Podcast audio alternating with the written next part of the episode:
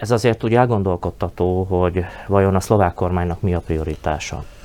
Hiszen hasonló energiapolitikai függésben van, mint Magyarország, mégis fáziskésésben ismeri föl a szlovák kormány azokat a nyilvánvaló nemzeti érdekeket, amik mellett kardoskodni kell.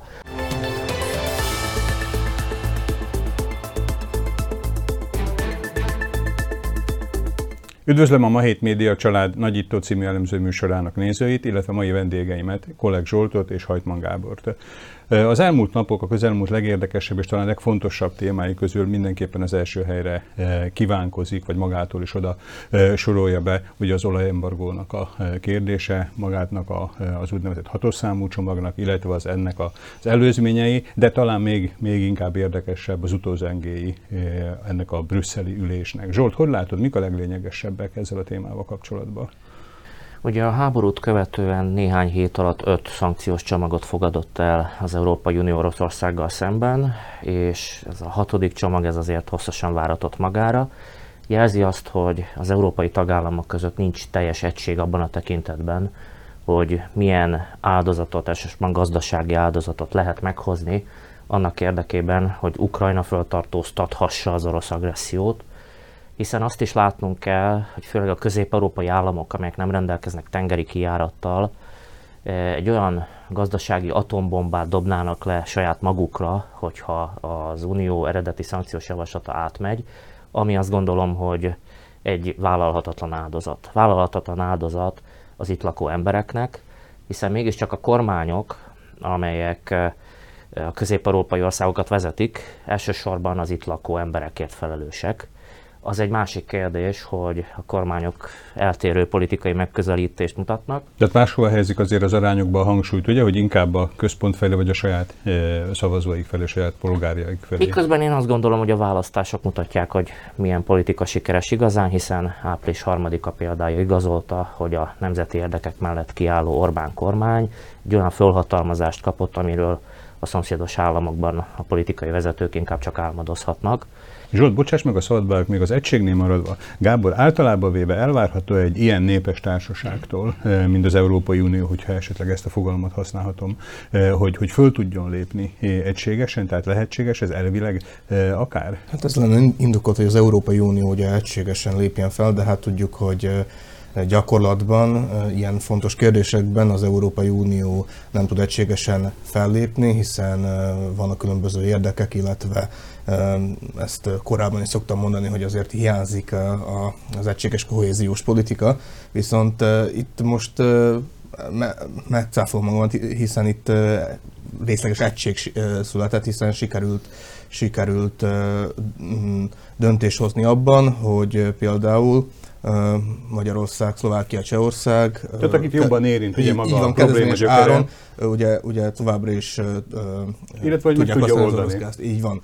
És az a lényeges egyébként itt, hogy sikerült az európai uniós országoknak, főleg a nyugat-európai uniós országoknak megérteni azt, hogy közép-kelet-európai országoknak teljesen más a helyzetük, és ez szerintem nagyon nagy siker. Itt azért mondjuk el, ugye, és hívjuk fel nézőink figyelmét arra, hogy a Magyar Hét heti labban nyugodtan mondhatjuk, hogy a témát illetően egy korszakalkotó vagy egy korszakhatárt jelző interjú jelent meg Világi Oszkárral, a Szlovnaft igazgató tanácsának az elnökével, illetve ugye az interjú az elektronikus formában is követhető a, a mahét.sk honlapon, ahol nagyon pontosan, talán ugye kezdetekben úgy tűnt, hogy talán hosszasan egy petrolkémiai előadásnak tűnő fölvezetéssel, de elmondott olyan információkat, amivel sokkal jobban, tehát a normál olvasó, ahol mondjuk én is ilyen esetben sorolom magam, megértette, hogy miért is van más helyzetben, tehát ugye az a, az, a, az, az országcsoport, amelyik a barátságkőolajveszetéken kapja az alapanyagot.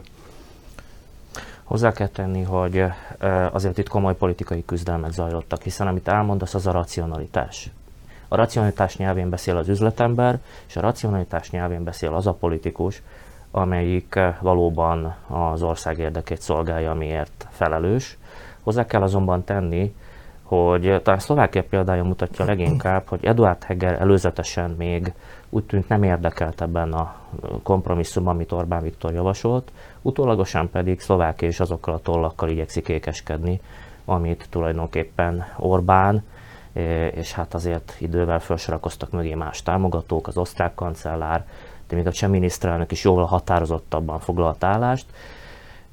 Ez azért úgy elgondolkodtató, hogy vajon a szlovák kormánynak mi a prioritása hiszen hasonló energiapolitikai függésben van, mint Magyarország, mégis fáziskésésben ismeri föl a szlovák kormány azokat a nyilvánvaló nemzeti érdekeket, amik mellett kardoskodni kell. Én azt gondolom, hogy hát ha e, következménye van valaminek, hosszú távon politikai következménye, akkor ennek kell, hogy legyen, hiszen a szlovák közvélemény számára is ez egy olyan fordulópontot hoz, amikor szembesülni kell azzal a politikai tehetetlenséggel, amit sajnálatos módon ez a kormánykoalíció az elmúlt két évben bemutatott. Ezt azért e, igencsak fájó kijelenteni, hiszen megvan a politikai hagyomány 1990 óta, hogy a jobb oldalhoz kötődő pártok kormányaitól reméljük, itt mi felvidéki magyarok, az érdekeink jobbra fordulását, és azt kell látjuk, hogy ilyen módon ez a csalódás ez egyre nagyobb a kormány politikájával kapcsolatosan. Maradjunk még egy pillanatra Eduard Hegernél. Tehát ugye egy mintapéldáját mutatta be annak, hogy 24 óra alatt a hozzáállás hogy változik meg. Tehát brüsszeli csúcs előtt még külön bejelentette, hogy tárgyalást folytatott Orbán Viktorral, olyan fölhangokkal, hogy próbálta őt idézőjelben jobb útra bírni vagy meggyőzni. Maga az embargó és a, és a kivételek meghozatala után, viszont már ugye úgy mutatták ezt be Szlovákiában, mint hogy a Szlovákia is része, része lenne ennek, a, ennek az eredménynek az elérésébe. Tehát, hogy, hogy ezt a választói szempontból, tehát meg lehet ezt csinálni 24 óra, vagy maximum 48 óra leforgás alatt egy ekkora váltás? Tehát, hogy a választók ezt, ezt fölismerik azért, hogy ez nem teljesen az elvi politizálásnak a mintája? Ez csak a jelenlegi szlovák jobboldali kormány tudja megcsinálni, illetve a kormányfő Eduard Heger. De valóban nagyon érdekes ez a, ez a váltás. Lehet, hogy azért is történt ez meg, vagy, vagy azért fogalmazott így Heger, mert látta, hogy nem csak Magyarország, de Csehország, illetve Ausztria is ugye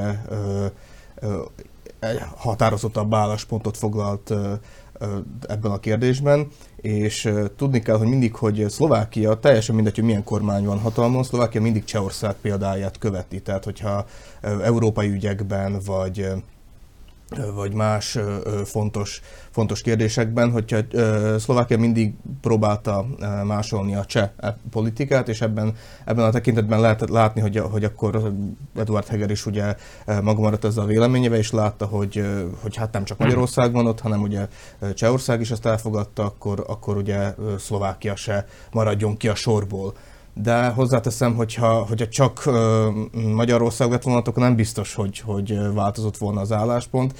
Ez persze egy ilyen kritika is, illetve a szlovák kormány részéről, hogy valamilyen szinten neki, uh, megpróbálnak elhatárolni mindig a magyar kormánytól, és ezzel is üzenve azt, hogy, hogy ők, ők a nyugat-európai politikusokkal, vagy a nyugat-európai országokkal értenek egyet.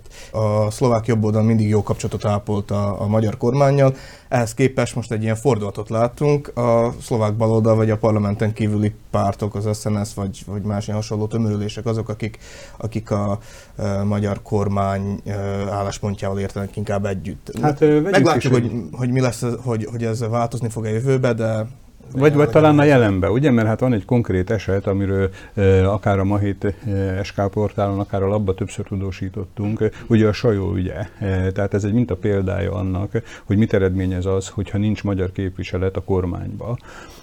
Tehát igaz, hogy lehet, hogy Pozsonyból messzire van a sajó, és úgy gondolták az első időszakban, hogy, hogy ez, ez a szennyeződés inkább csak optikai és nem valóságos, de hogyha lenne magyar képviselet, akkor ezt talán nem lehetett volna három hónapon keresztül tétlenül húzni. Mi erről a véleményed, Zsolt?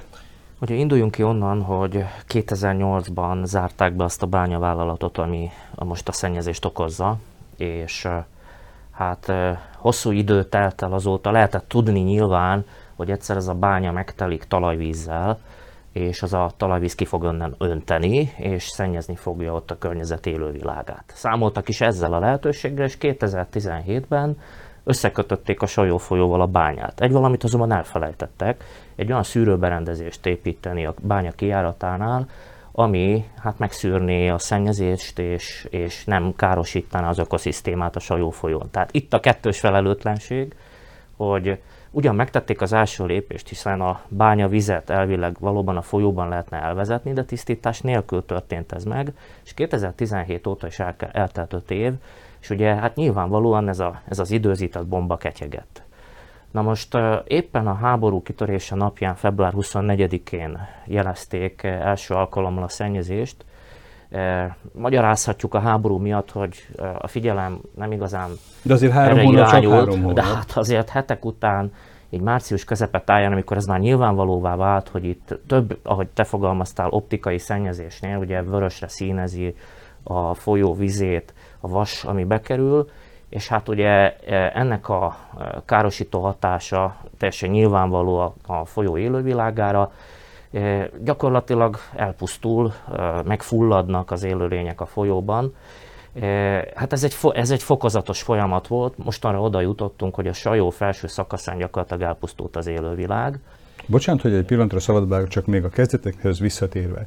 Talán udvariatlannak tűnik a kérdés a kormány szempontjából, vagy a kormányra nézve. Gábor, te el tudod képzelni, hogy azért volt ez a hosszú halogatás, tehát nem napok és hetek, hanem hónapok halogatása, hogy egy magyarok által sűrűn lakott régióról van szó? Tehát, hogy nem érezték úgy, hogy ez az ő választótáboruk? Mm, igen, részben, illetve általában a kelet, közép, közép-kelet-szlovákia régiót azt elhanyagolja a kormány és ez nagyon látszik is, hogy a, hogyha régiós ügyek vannak, problémák, akkor ezek nagyon el vannak feledve. Tehát, hogyha például a vasúthálózatot sem nagyon építik ki Dél-Szlovákiában. Alapvetőleg a dél-szlovákiai dél-szlovákia régió, és hogyha ha keletre is megyünk, akkor ott azért megfigyelhető azt, hogy, hogy a kormány nagyon elfeledkezik ezekről a problémákról, és hát említsük meg azt, hogy a szövetség az, amely ugye előhozakodott ezzel a példával nagyon helyesen, és nagyon, nagyon jó, hogy, hogy felkarolta ezt az ügyet, mert hát ez, ez, ez régiós ügy, ez ugye a magyarok által lakott terület, illetve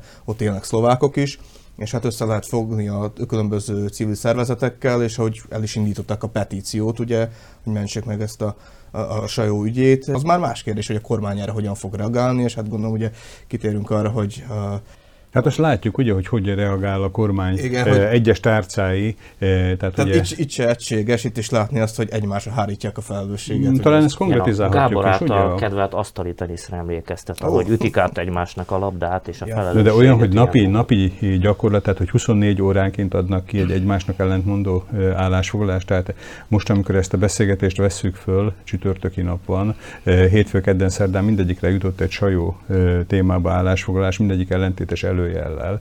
Ugye ez a, ez a pingpong a környezetvédelmi és a gazdasági tárcák között zajlik elsősorban, abban a tekintetben, hogy ki a felelős. Itt már tulajdonképpen a felelősség áthárítása zajlik. De nem lehetne ezt a színfalak mögött egymás között megbeszélni? Hát ez nyilvánvalóan egy, egy szerencsétlen lépés. Ez is, ahogy fogalmaztál, leleplezi azt, hogy vajon tényleg a megoldás szándéka vezeti az illetékeseket, vagy pedig valóban inkább csak a politikai felelősség eltolása.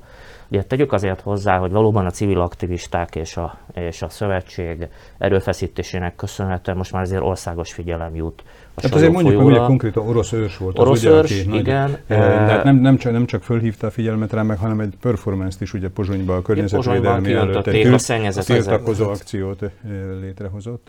Igen, és talán itt ebben a tekintetben az a fontos, hogy lámlám a civil kezdeményezés és a politika így kiegészíti egymást, akkor mégiscsak eljut az országos figyelemig az ügy, és azt ne felejtsük el, hogy most már Magyarország is odafigyel a kérdésre. Attól várhatunk egyébként áttörést az ügyben, hogy hát egyeztetés zajlott a szlovák és a magyar tárca között is. Igaz, hogy az egymásra mutogatás a szlovák minisztériumok között tovább zajlik, de legalább annyiban történt előrelépés, hogy a múlt hétvége óta legalább a felszíni vizeket elterelik. Tehát most már a bányából érkező szennyezés nem a sajóba fog menni, hanem egyéb megoldást keresnek, de az igazi megoldás Bízunk benne, hogy az, az szintén nem egy ilyen környezetkárosító hát megoldás. Ennek a részleteiről ugye? valószínűleg most igazából beható információkkal nem is rendelkezünk, de azt hozzá hát nem is rendelkezhetünk, hogy, ugye múlt igen, szombat óta. Igen, igen, de hozzá kell tenni, hogy az igazi megoldás ez a tisztító berendezés jelenteni, ennek megépítése vagy elkészítése azonban úgy tűnik még váratni fog magára, és addig nem jelenthetjük ki, hogy itt megoldódott ez az ügy, és azt ne felejtsük, hogy itt most már azért tartós károkozásról beszélhetünk, hiszen a sajó medrébe leülepedett a szennyezés, legalábbis itt a szlovákiai szakaszon. Ugye úgy olyan a folyó meder, hogy Magyarországra ez nem folyik át lényegében, a szennyezés nagy része viszont leülepszik itt a szlovákiai mederben, ami tartós károkozás, és az elhárításhoz az is, tartoz, az is hozzá tartozna, hogy ezt az ülepet, ezt az iszapot ezt, ezt onnan kitakarítanák, addig igazából nem is remélhetjük, Értem. hogy az ökoszisztéma Értem. Helyreálljon a sajó folyóban. Tehát ez a három hónapos várakozás, ez bizony most már tartós következményekkel jár, úgy tűnik, de az, hogy lépések történtek az ügyben, ez valóban ennek az összefogásnak köszönhető, amit, amik eh, e körül kibontakozott. Beszélünk ugye a sajó szennyeződéséről, ami egy jelentős probléma, illetve beszéltünk az olajembargóról, ami mondjuk hogy egy stratégiai probléma, de mind a kettő talán elt- eltörpül akkor, amikor háborúval állítjuk eh, ezt szembe.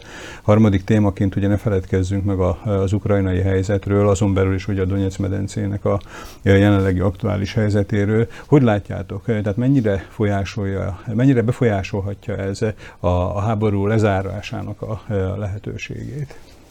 Hát ö, olyannyira, hogy, ö, hogy még mindig ugye a háború eszkalálódik, és hát látni azt, hogy az oroszok továbbra sem teszik le a fegyvert, illetve most a stratégiájuk azt, hogy, hogy a keleti területekre ugye fókuszáljanak. Azt a területet, sikerül bevenniük, akkor ez egy lényeges stratégiai erőrelépés lesz az oroszok számára, hiszen ez egy ilyen nagy terület, és a ukrán szempontból egy kulcsfontosságú. Oroszország számára az a lényeges, hogy azokat a területeket próbálja megtartani, elsősorban, ahol az orosz nyelvű lakosság többségében él. És, és hát ugye... Tehát, hogy a, hogy a régi tervek szerint megy? Ö, Mondhatjuk így. Igen, a régi tervek szerint ugye az eredeti terv az volt, hogy, hogy ugye teljes támadást indít Ukrajna ellen, és hát majd ugye egy báb kormányt fog kihelyezni Kievben, és Ukrajnát teljesen ugye úgymond uralni fogja, vagy hát kontrollálni, de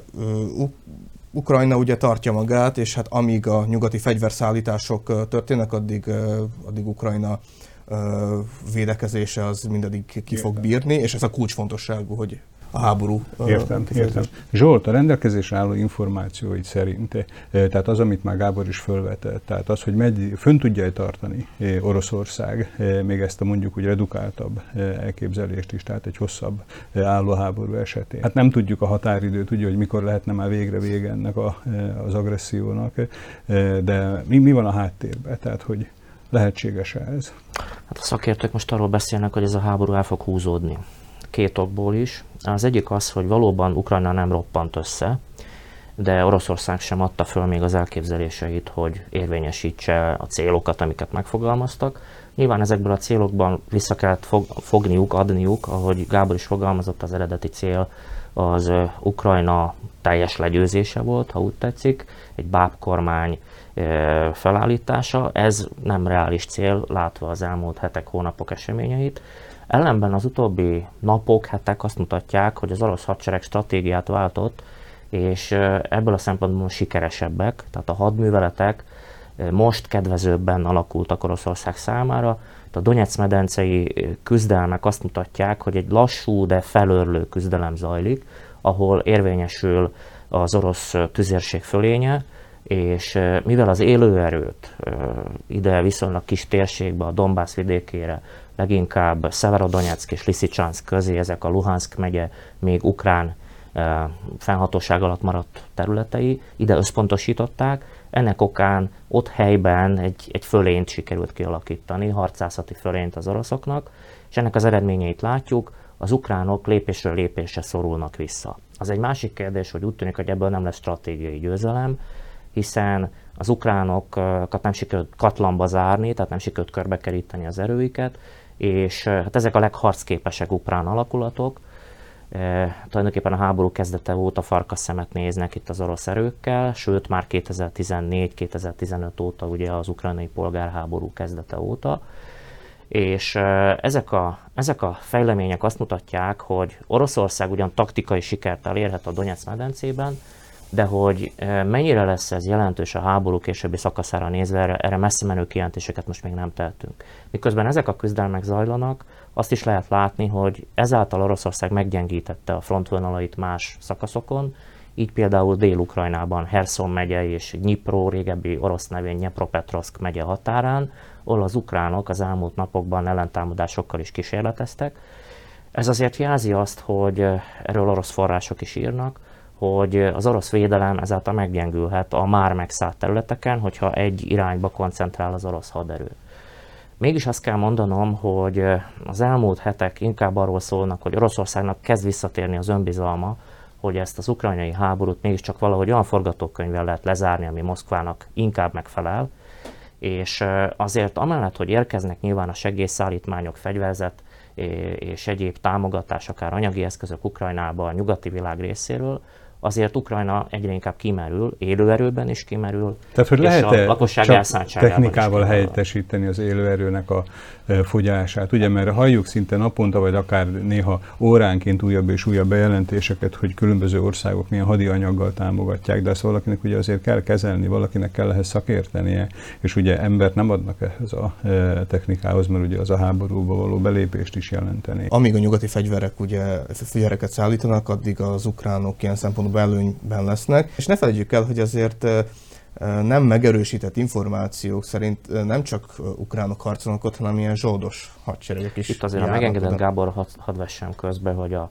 az ukrán területvédelmi erők, amik pótolják az igazán harcedzett legénységi állomány veszteségeit, azoknál valóban ez a kérdés, hogy mennyire képezték ki őket. Ugye érkeznek a fegyverszállítmányok, tehát volna mit a kezükbe adni fegyvert, de hát nem lehet felkészületlenül oda küldeni a harctére, mert egyébként maximum golyófogók lesznek az oroszokkal szemben. Ezért mondják azt az ukránok, hogy, hogy ha Ukrajna ellentámadásban gondolkodhat, ez valamikor nyáron, nyár végén történhet meg, addigra lehet ezeket a tartalékosokat kiképezni. Ami viszont a zsoldosok harcértékét illeti, hát azért e körül is vannak mondjuk úgy ellentmondásos hírek, Például az is, hogy sokan azok közül, akik felsorakoztak az ukrán zászló mögé, azok most, azok most kihátráltak, mert nem olyan támogatást, olyan viszonyokat találtak és reméltek, amivel számoltak.